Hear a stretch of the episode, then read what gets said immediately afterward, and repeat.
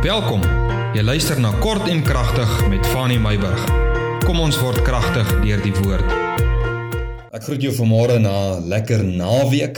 Ek hoop jy het 'n baie lekker Vadersdag gehad en al die vaders geseënde Vadersdag vir jou en ek vertrou jy het 'n goeie naweek gehad saam met jou familie en saam met jou gesin, saam met jou kinders en uh dat dit 'n geseënde tyd was. Ek wil vandag 'n bietjie met jou gesels oor hierdie ding return to sender.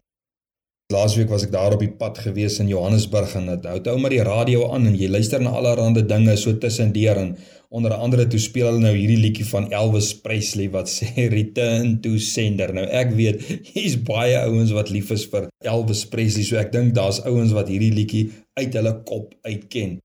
Nou toe kom ek nou agter, jy weet Elvis Presley is eintlik in dieselfde jaar oorlede as wat ek gebore is. En ek wonder nou hoekom sou dit so wees? Toe besef ek Jy weet daar kan mos nie twee legendes op hierdie aarde wees nie. In geval, dit was net so tongenetjies. Nou kom ons kom nou net terug na die woorde. Die gedagte rondom return to sender. Hierdie liedjie herinner my toe op daardie oomblik aan die gedagte van ek en jy as kind van die Here is 'n brief geskrywe. 2 Korintiërs 2 vers 2 en 3 sê die volgende. Paulus sê: "Julle is ons brief geskrywe in ons harte, geken en gelees deur alle mense, omdat julle duidelik 'n brief van Christus is, deur ons diens berei. So ons is 'n brief, ons is berei deur Christus. Ons is geskrywe nie met ink nie op ons harte nie, maar met die gees van die lewende God op die vleestafels van die hart. Ons het 'n boodskap. Ons is 'n brief en ons is 'n boodskap. Amos 2 vers 14. Ek het so tydjie terug het ek oor hierdie spesifieke skrif het ek gepraat, maar die gedagte sê die Here sê vir die volk deur die profeet Amos, maak jou gereed om jou God te ontmoet. Die konteks van hierdie profesie gaan eintlik daaroor dat Die Here het 'n boodskap vir Israel gestuur. Die Here het vir hulle 'n brief gestuur en hulle was halstarrig teenoor die Here en hulle het nie gereageer op die brief wat God hulle gestuur het nie. En op 'n dag gaan ons almal hierdie presiese woorde hoor: Return to sender. Ons moet teruggaan na die Here toe en verantwoording doen vir die lewe wat ons geleef het. Wat het ons gedoen met die boodskap, die brief wat op ons harte geskryf is? Het ons die brief afgelewer? Dit is geweldig belangrik. Het ons die inhoud van die brief het ons weer gegee.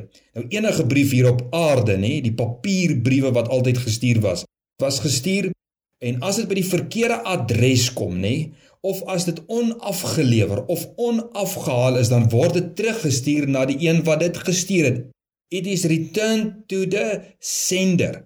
Nou, ek wil gou vir jou vier gedagtes deel, want hierso is 'n lys briewe wat God uitstuur dit is verskillende mense groepe wat God uitstuur wat briewe is.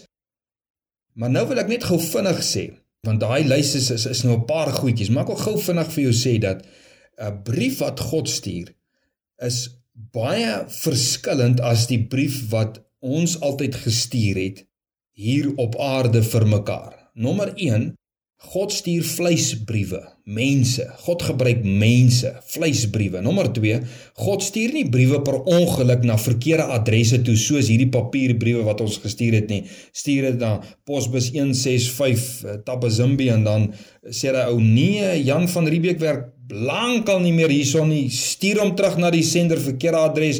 God maak nie foute met mense nie, nê? God maak nie foute as hy briewe stuur nie. Jy is op hierdie aarde met 'n baie spesifieke doel, 'n plan. God het 'n gedagte met jou. En uh, Paulus sê vir Timoteus, hy sê Timoteus, jy moet die evangelie moet jy verkondig tydig en ontydig. Wat beteken daar is nie 'n regte en 'n verkeerde tyd vir die evangelie nie. Daar bestaan nie so iets nie. Jy's altyd 'n brief kind van die Here. Ons is altyd 'n brief en ons is nie per ongeluk op hierdie aarde of by 'n verkeerde adres nie. Ons is die regte tyd.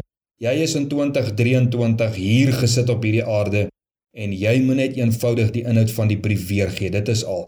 Nommer 3. God se briewe word aanleenlik leë hande toe teruggestuur omdat die ontvangers daarvan al starrig teenoor die inhoud daarvan was of dan nou sal wees. Dis alleen hoekom dit teruggestuur word is wanneer ons net eenvoudig nie die boodskap ontvang nie. Nommer 4. God verwag 'n positiewe reaksie van die ontvangers. So belangrik.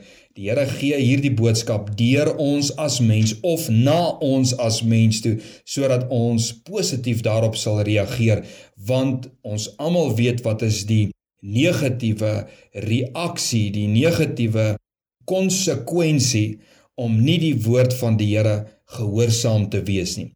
So, as ons nou 'n bietjie kyk na hoe lyk die briewe wat God stuur, dan begin ons maar by die begin hè. Adam en Eva Wie moes die brief lees? Hulle was die brief gewees. Wat was binne die brief? Die inhoud van die brief was gestuur aan die hele skepping, die diere, die plante, die waters, die grond, hulle eie nageslagte en wat het in die brief gestaan?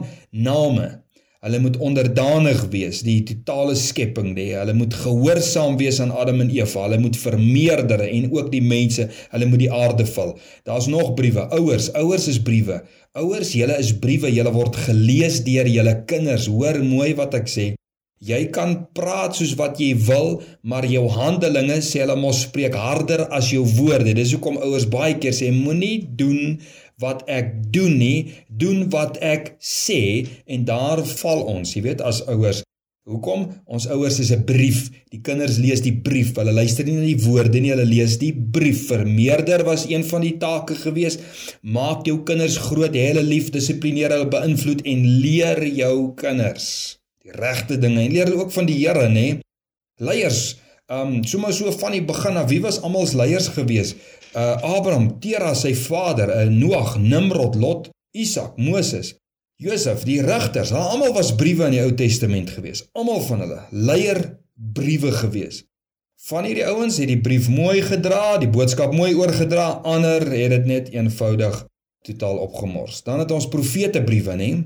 Wie was die profete gewees? Want ons praat van mense, Elia, ons het hierdie jaar baie gekyk na Elia sover, Hosea, Amos, Jesaja, Esegiel, Samuel is almal Sefanja, hulle was almal briewe gewees en volgens die woord van die Here was hierdie ouens het hulle hierdie boodskap met trots en waardigheid gedra en afgelewer. Konings, konings was briewe, nê? Vandag se tyd ook leiers, leiers almal. Konings is briewe. Oud in die Ou Testament het ons Salomo en ons het vir Dawid. Ons het in die Nuwe Testament eintlik meer konings nie. Nou sommige van hierdie konings het die werk goed gedoen. Hulle het die boodskap mooi oorgedra. Ander ouens het nonsies droog gemaak. Hulle het net eenvoudig die boodskap vernietig wat God gegee het. Johannes was 'n brief.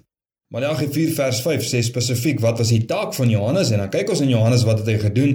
Hy het sy taak het hy volbring, hy het die werk gedoen, hy het die pad vir die koms van Jesus het hy voorberei. Jesus was 'n brief. Dit was ook na 'n spesifieke adres, nê, na die wêreld. So lief het God die wêreld gehad. 'n Baie spesifieke boodskap, liefde. Die disippels was 'n brief, nê? Nee? Heilige Gees was 'n brief geweest. Wat het in die brief van die Heilige Gees gestaan? In die brief het gestaan die Heilige Gees vertroos, oortuig van sonde, geregtigheid, oordeel Johannes 16 van vers 7 tot 14. Hy openbaar toekomstige dinge, hy verheerlik Jesus Christus en dan natuurlik sy woord in Jesaja 55 vers 11 het die Here sy woord uitgestuur. Hy sê en sy woord is soos reën en soos sneeu wat na die aarde toe kom en 'n spesifieke doel en funksie verrig. verrig. Dit benat die grond sodat die saad wat daarin is kan ontkiem en groei en vrug dra. En dit gaan nie deur die son se hitte terugkeer na die hemel toe as dit nie sy werk gedoen het waarvoor hy gestuur was nie. En dit is die beginsel. Dit is die beginsel. Voor ons kan return to the sender is daar 'n werk wat moet gedoen word. Daar's 'n funksie as 'n rol wat ons moet vervul. En ek het nou deur al hierdie vleisbriewe waardeur ek gelees het, dit is ons taak, dit is ons werk. En jy weet, op elkeen wat gestuur was, almal wat ons nou na gekyk het, alle konings, leiers, Adam en Eva, uh Johannes, Jesus, disippels, al die disippels, die Heilige Gees, sy woord, op elkeen was 'n taak en daar was 'n belangrike nota gewees.